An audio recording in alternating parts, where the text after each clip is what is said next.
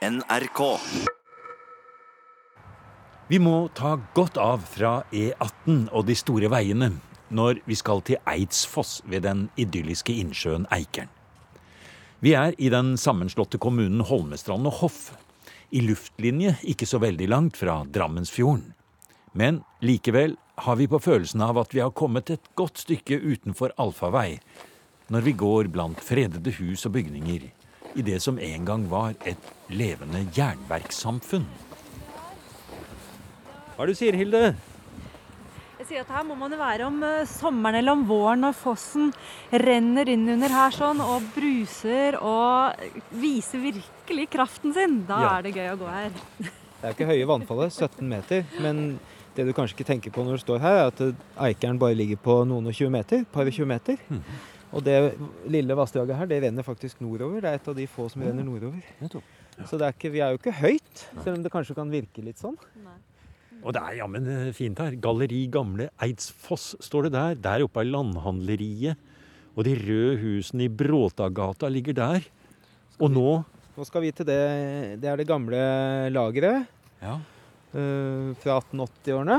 Og der er det en, et, eh, en museumsutstilling.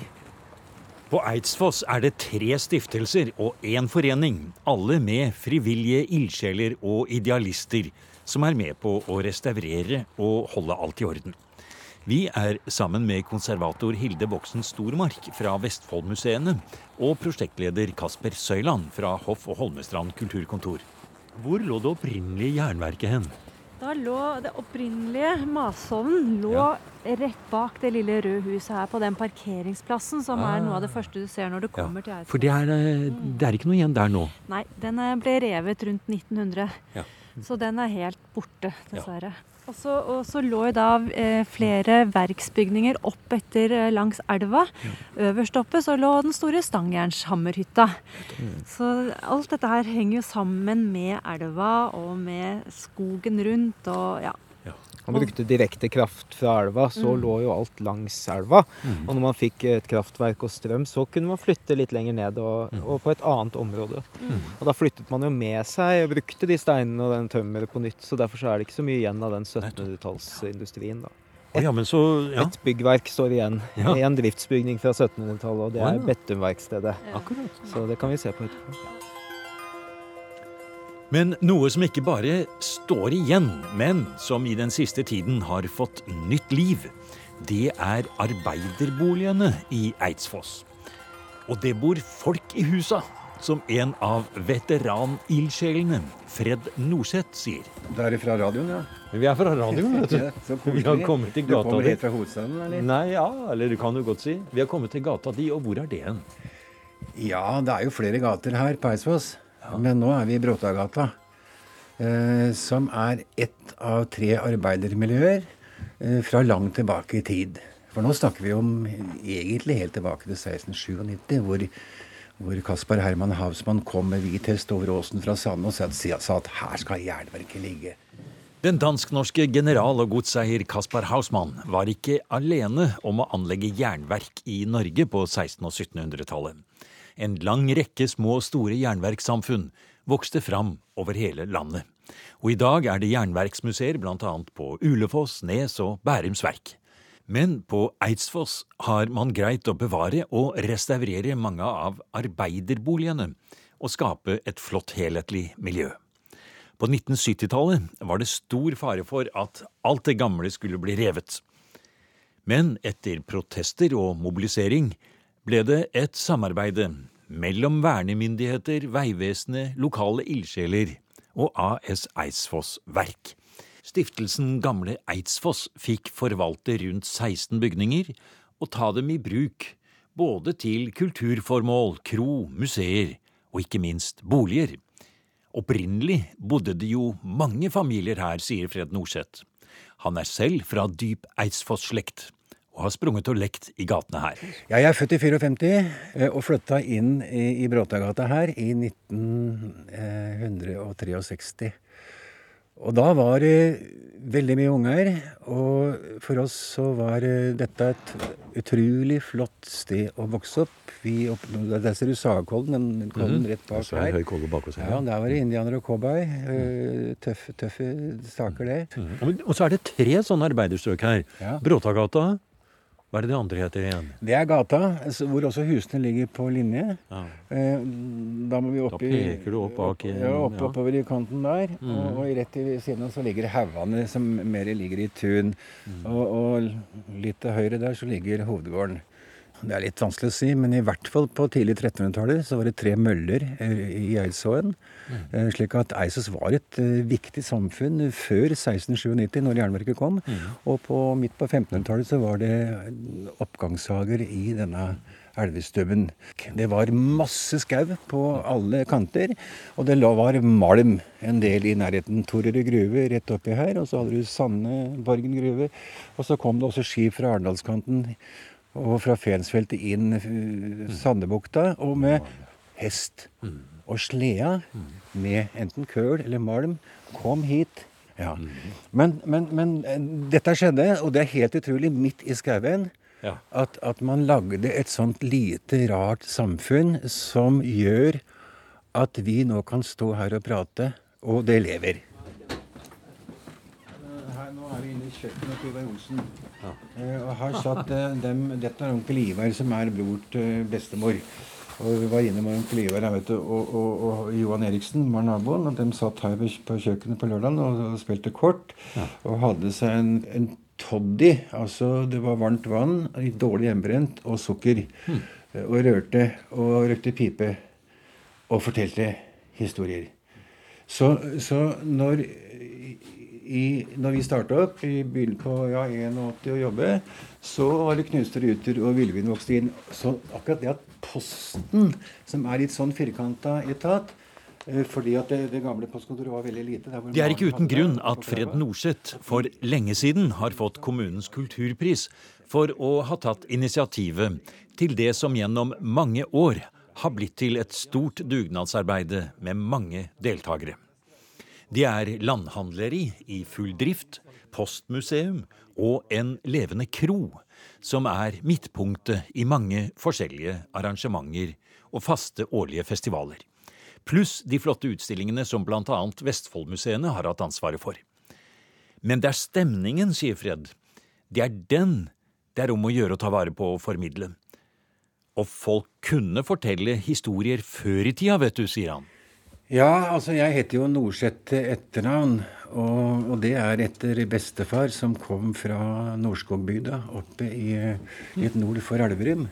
Og så hadde vel han, og da var det jo sånn den gangen at når du var konfirmert, så skulle du ut. Det var ikke noen sånn bønn. Du måtte finne deg arbeid. Og så så han en sånn liten epistel i Aftenposten om at det var en sånn lite, jeg tror, lite sånne handelskurs i Kristiania, som Oslo het den gangen.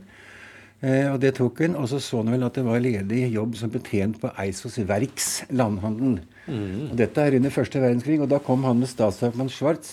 Eh, du ser bildet av båten. Der henger en svært eh, flott bilde, ja. Et maleri av en båt som er ute og kjører på, på, på, på sjøen Kom i 1904. Ja. Gikk mellom Vestfossen og Eikeren, er ca. to mil lang. Mm. Mellom Vestfossen, så han var bestefar av Erland. Ja, han, Han kom med den, han. Han kom med dampskipet. Ja, 16 år gammel. Ja.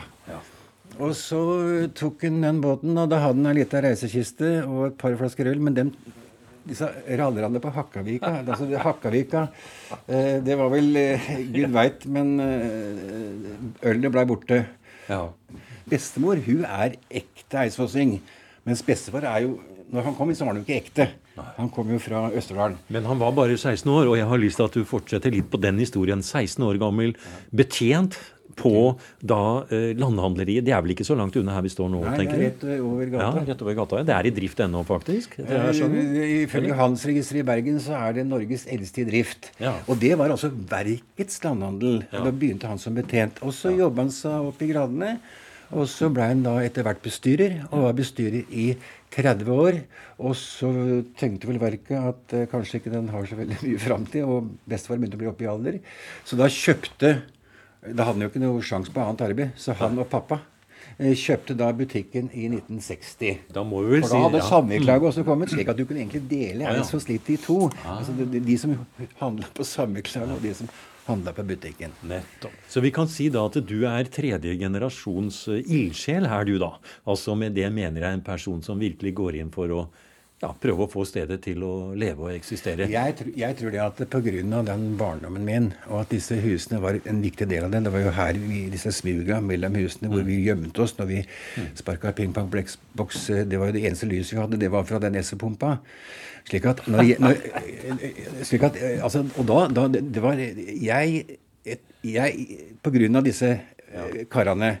Og damene som var flinke til å fortelle historier, Mm. og den barndommen min som var så farverik og flott, det før, jeg skjønte at, at vi her, her på Eisos har også en viktig regional og nasjonal historie gjennom dette jernverket, og den spennende historien som ligger rundt det, så var det nok Hvis jeg skal velge, eller prioritere, så var det nok rett og slett den barndommen min og de minnene og jeg opplevde, som gjorde at når jeg hørte at disse husene skulle rives, da gikk det i marg og bein. Og da blir du fandenivoldsk, og da tenker du hvordan skal man redde dem? dem?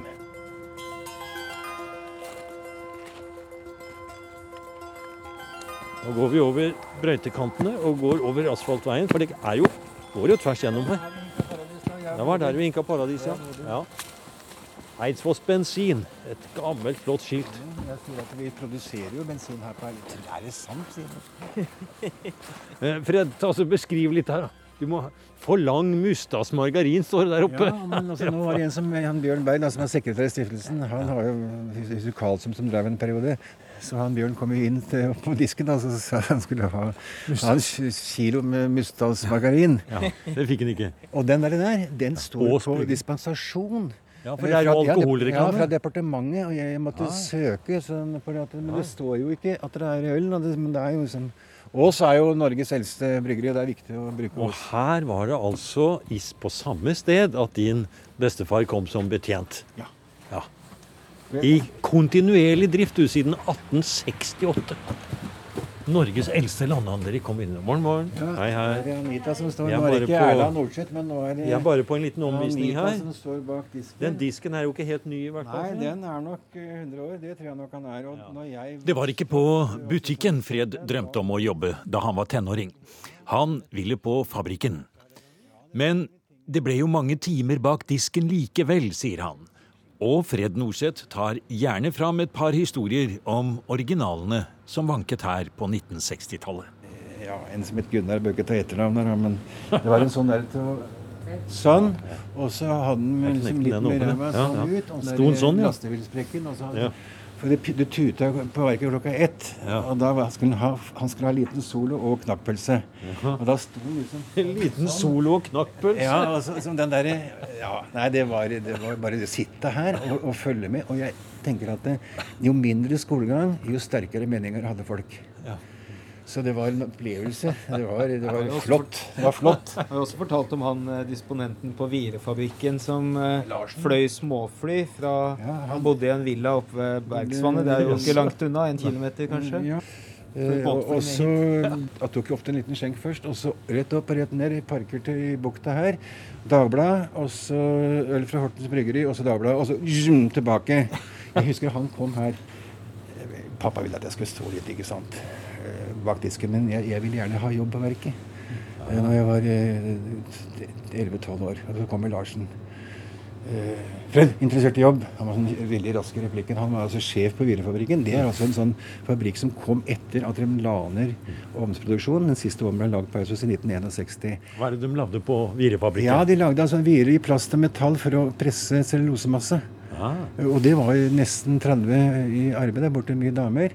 Og Larsen var sjefen, han med det flyet. Også disponent. Og så kommer han, Fred interessert i arbeid. Støping, ti kroner timen. Eh, møt foran porten på verket klokka ti til lørdag. Greit, så jeg var kjempe, kjempefornøyd, vet du. Så jeg stilte der kvart på ti. Og så kommer Larsen, han sånn diplomat, sånn amerikansk bil med sånne elektriske ruter. Det var spesielt på 60-tallet. Og så føyka sto, og så zzz, ned. Utsetter, fyllesyk, faen, ha det! Eh, jeg har sett et bilde, Kasper, eh, håndkolorert, av eh, et 1. mai-tog. Ja. Apropos hva som kom og ikke kom med stor innvandring fra Sverige og andre steder. Eh, og det ser ut som en sånn Ådalen 31-slags demonstrasjon. Det er unge og gamle, det er musikkorps, og det er foran da den gamle mølla. Ja. Eh, hvordan var det med liksom, organisasjonslivet, det politiske her den gangen? Eidsfoss var jo eh, viktig i dannelsen av Det norske Arbeiderparti, faktisk. Det var et viktig sted. De hadde masse samlinger her helt i, helt i starten. Så eh, Vestfold eh, Arbeiderparti ble, hadde mange samlinger her. Og de hadde tidlig Men de har jo den historien eh, om at eh, verkseieren fikk bygd et sånt forsamlingshus her borte i 1915. Og der skulle da Etter hvert så ble det Ja, 1909 så ble det lagt inn restriksjoner på det å diskutere politikk. For da hadde det sikkert begynt å gå ei kule varmt. Så da fikk de laget et nytt uh, forsamlingshus her borte. Men det var tidlig ute med 1. mai-tog. Det var tidlig ute med organisering av uh, Litt sånn på tross av, fordi de fikk jo ikke egentlig lov. Og Trygve Bratteli satt i, i der hvor vi satt nå, i kroa som da var arbeiderbolig, og satt og skrev kampdikt i 1931. Og Rakel Severin er en av de første kvinnelige ministerne eh, under Oskar Torp eh, satt hun som sosialminister, eh, og var dattera til stasjonsmesteren her borte.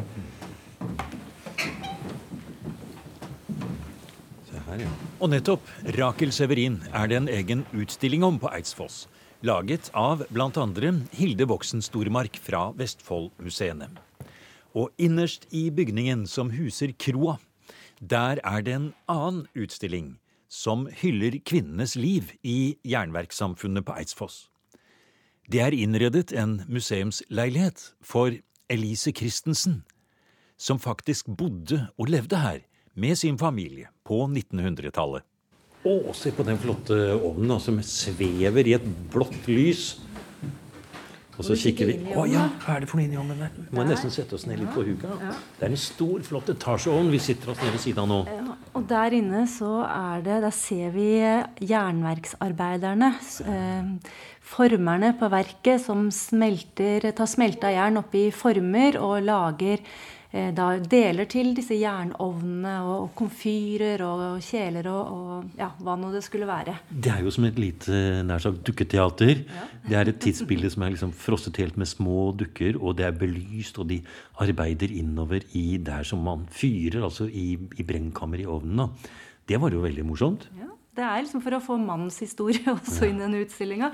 Fordi det her har jo vært en tanke om å formidle kvinnehistorie på Jernverket. Fordi kvinnehistorie er ofte underkommunisert, eh, særlig i museumsbransjen, eh, er jeg redd jeg må si. Mm. Men jeg syns jeg, jeg, vil vise deg den, kanskje den viktigste eh, mm -hmm.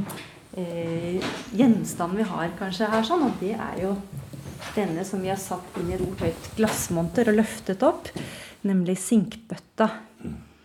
Eh, en av eh, bakgrunnstankene på denne utstillingen det var at vi skal formidle kvinnehistorie. Men hvordan formidler du kvinnehistorie når det finnes så få kilder til den kvinnehistoria? Og eh, det har jo Kari Bakke skrevet et nydelig dikt som heter 'Spor i vatn'. Du leiter etter kvinna sine spor gjennom tidene. Leit i vatnet. Mm. Og det er jo som vannet som sildrer gjennom fingrene dine, og du klarer ikke å ta fatt i det, men det er der.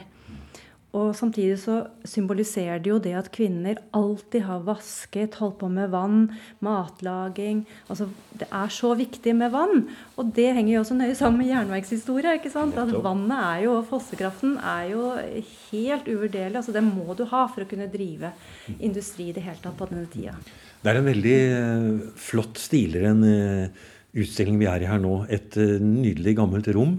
Store tømmervegger som vi ser her. Og så er det da laget rundt veggene noen små nær sagt tablåer.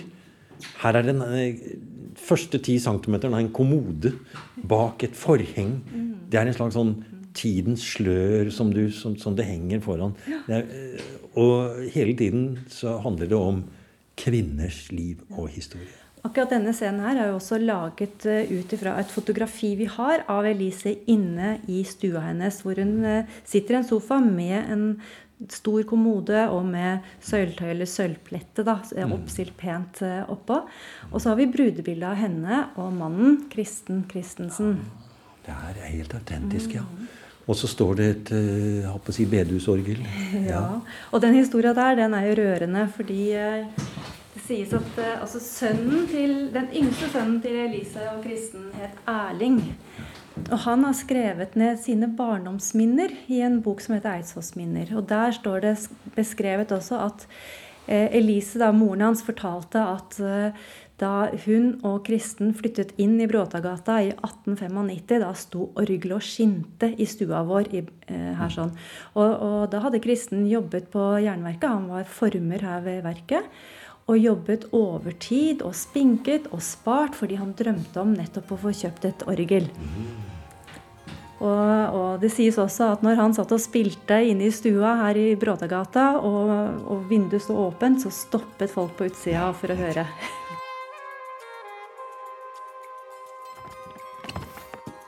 Å, oh, se her.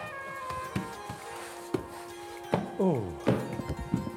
Kom vi oss inn, ja. Like akkurat. Varmen og varmen, ja. Men det er jo i hvert fall Det er mye fint å se på i Eidsfoss industrihistoriske samlinger. Ikke minst mange støpejernsovner i alle størrelser og fra alle tider, så lenge verket har gått. Fra små tilhengere til store kirkeovner med mange etasjer. Dette her er jo fra den tidlige perioden hvor man støper i såkalt åpen form. Da har man en sandkasse mhm. hvor man har trykket ned en treplate med, som er utskjært med motiv. Mhm. Og så har man helt jernet fra masovnen rett ut i denne sandkassen, som da holder, holder eh, formen og tåler det at det mhm. renner eh, flytende jern ned. Og da får du en veldig sånn tjukk og litt ruglete overflate. Dette er en samling som vi anbefaler alle som er interessert i ovner, å komme og se på. Kanskje med en piknikkurv på en sommertur. Og da ville det passe å besøke også den storslåtte Eidsfoss hovedgård, hvor deler av haven også er restaurert. Ja, her bodde, her bodde herskapet, Hilde?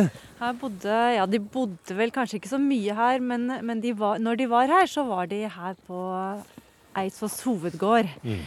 Eh, og da så jo I starten så så jo ikke denne bygningen ut sånn som den gjør i dag. Men eh, den, eh, da, her lå det et opprinnelig gårdsbruk som het Eid gård, som eh, ble brukt som administrasjonsbygning for den første jernverkseieren. Men sønnen hans, eh, Fredrik Ferdinand Hausmann, han eh, rev den gamle bygningen og satte han opp noe som var litt fjongere. Mm. Og da bygget han første etasjen av denne praktfulle hovedgården, Eidsvolls hovedgård. Hva slags stil er det i dette huset da? Ja, og Det er derfor jeg ville at du skulle stå nettopp her. Ja. Fordi dette her er jo et typisk barokkanlegg. Ja, og da snakker vi symmetri, og vi snakker de lange aksene. Ja, og det at vi kan stå her foran hovedinngangen til uh, hovedgården og så se nedover en allé som da strekker seg helt ned til Bergsvann. Mm. Og hadde vi åpnet opp hoveddøra og åpnet opp dørene videre innover, så kunne vi ha sett tvert igjennom, og så hadde det vært en akse da ned til Eikeren, slik at vi får et sånt, nesten et evighetsperspektiv. Ja. Men så har vi også en allé da som gikk rett, vinkelrett her, nedover til ja, der, ja, Jernverket. og den går jo ennå, den. Den går ennå. Ja, Der var pengemaskinen der nede. Der var pengemaskinen. Og så fortsetter den inn i der hvor du brukte alle pengene, og det var det store hageanlegget som de anla. Ja, nettopp. For det skulle man jo ha det hører med til arkitekturen. I hvert fall på 1700-tallet så var det veldig fint å ha. Ja, Særlig i denne sosiale klassen vi snakker om her, som jo er eh, blant eh, kongens nærmeste menn, rett og slett. Det er heldigvis flere tiår siden noen ville rive de gamle arbeiderboligene på Eidsfoss. Nå er mye fredet, og de siste tre årene har det kommet tilskudd på statsbudsjettet for å samle og videreutvikle det arbeidet de frivillige gjør. Prosjektleder Kasper Søyland har stor tro på at mangfold og bevaring gjennom bruk er tingen. Ja, Det er vel det som ligger i at vi sier at det er Norges best bevarte jernverksted. At du kan se både å komme inn i. Både hovedgård og arbeiderboliger. Og det fins en driftsbygning her fra den første tiden, fra jernverkstiden. Det fins driftsbygninger fra, fra støperitiden, så du kan fortelle hele historien. Og så er det jo det at det er eh, så mange inne som forteller om den nasjonale historien.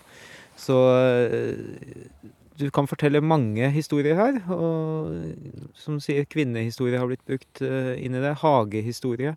Den, ja, og industrihistorie. Den nasjonale historien, den økonomiske historien. Det er jo Alle disse trådene kommer jo sammen. Ja. Jeg må bare ærlig innrømme det at jeg ville aldri funnet på å kjørt av hovedveien og kommet inn her og så funnet dette liksom lille eventyrriket her. Men det er en stor overraskelse i hvert fall å komme hit hvis man ikke kjenner til det. Ja, og man kan jo ikke skryte på seg at man kan konkurrere med Bærums Verk eller eh, Nes Verk når det kommer til mange andre ting. Jeg skulle til å si Røros, ja, nå, men, ja, ja, ja, men eh, når det kommer til det med at, uh, som du sier, det er mange tråder, men det er også liv og lys, uh, som vi var inne på med, med Fred, jeg har vært der hele tiden, og det har jo skapt et uh, det har skapt en, en masse arrangementer. Det er mange ting som skjer her. Ja, kommer, det folk, kommer, det folk, hit nå? Det kommer mange hit, men det er nok som du sier, det er først og fremst folk fra Vestfold som vet om det, Mm. og som bruker dette som et sted å reise på. En slags uh, piknik uh, innenfor de historiske rammene som fins her. Du har nå hørt en podkast av programmet Museum fra NRK P2. Og send gjerne en e-post til museum krøllalfa nrk.no.